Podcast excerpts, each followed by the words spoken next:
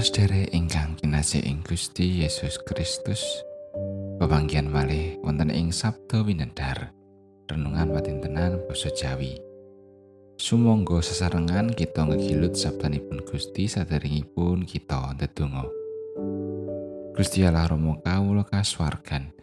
Sedaya puji syukur kunjuk dumateng Paduka Gusti. Awit sakataing berkah pangrimat Paduka ing gesang kawula sadinten-dinten. Sakmenika Gusti kawula nyawisaken manah kawula saperlu badhe nampeni sabda paduka.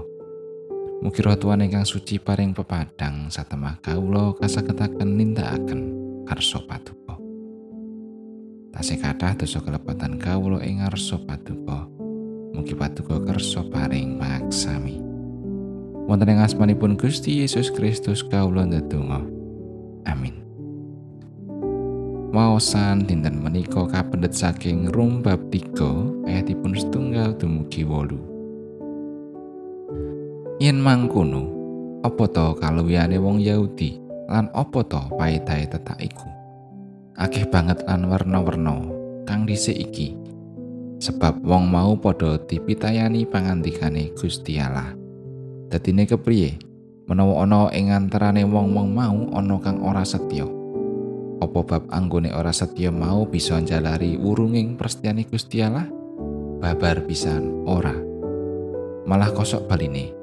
Gusti Allah iku asipat bener lan manungsa kabeh padha duracara kaya kang katulisan wiraose supados paduka kacihno menawi leres ing sapangandika paduka. So paduka unggula menawi dipun hakimi. Nanging menawa duraka kita iku nelakake kabeneraning Allah, banjur apa kang bakal padha kita kandhakake? Apa Gusti Allah padha kita anggap ora adil yen to ngetingalake anggone bendu? Selatuku iki cara manungsa.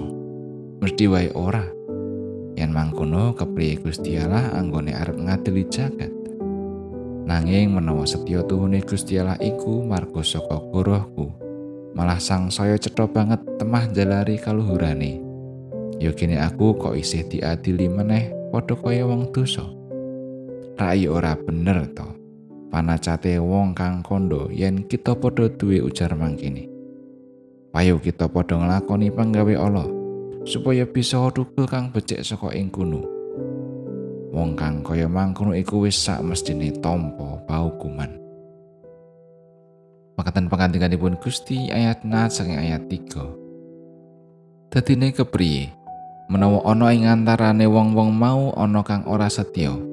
Apa bab anggone ora setya mau bisa njalari wurunging prastiyane Gusti Allah? Wonten alat ingkang dipun agem kangge ngukur suhu badan inggih menika termometer. Wonten ugi alat ingkang kangge ngukur kelembaban udara inggih menika barometer. Lajeng menawi kangge ngukur kastianipun manungsa menika menapa?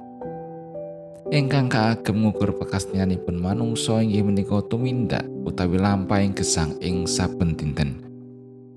Piantun kathah saged mirsani menawi sederek kita menika tansah martelakaken kasetyanipun inggih namung saking tumindakipun utawi lampahipun.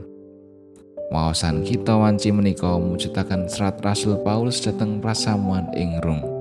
Ingkang ngemot piwucal babagan kastianipun manungsa lan kastianipun Gusti Allah. Menawi manungsa menika kastianipun ewah kingsir gumantung kalian kawontenan. Kala mangsanipun saged netepi prastianipun, ananging ugi asring blenjani janjinipun. Nalika kadunungan bondo utawi berkah ingkang kathah, lajeng lirwa dhateng panembah. Yambakipun ngugemi bilih ingkang dipun gadahi menika awit saking pambudidayanipun lan nambok bilih kesupen dateng Gusti ingkang maringi berkah. Kosok wangsulipun nalika melarat nembe kemutan dateng Gusti lan ngungsi dateng pangeran. Menawi Gusti Allah anggenipun netepi janji menika mesti tansah kalampahan. Kados dene anggenipun rawuh wonten ing jagat saperlu mitulungi manungsa ingkang kebak dosa lumantar rawuhipun Gusti Yesus. Prakawis menika sampun karancang wit jamanipun nabi-nabi ing prajanjian lami. Lan samangke tetep saged mawujud. Sanadyan manungsa asring lirwa lan boten setya, ananging Gusti Allah tansah setya tuh dhateng umatipun. Samangke kita kabrek lumantar waosan kita ing wanci menika. Ambok pilih kita asring prajanji dhateng Gusti nalika ngraosaken sakit, ngraosaken priatos, ngadepi ruwet renteking gesang ing wekdal kacingkrangan, kita prajanji tansah badhe sumuya dhateng Gusti. Mugi kita tansah netepi janji menika supados sesambetan kita dhateng Gusti tansah kawangun lan kesetiaan kita tetap saged mawujud. Amin.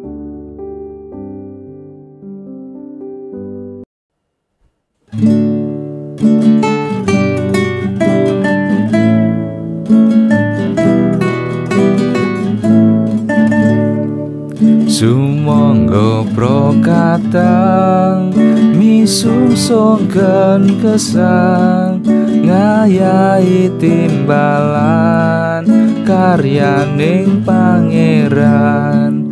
Martos keninjilnya pangluar saking dosa mring saliring bangsa presamya wilujeng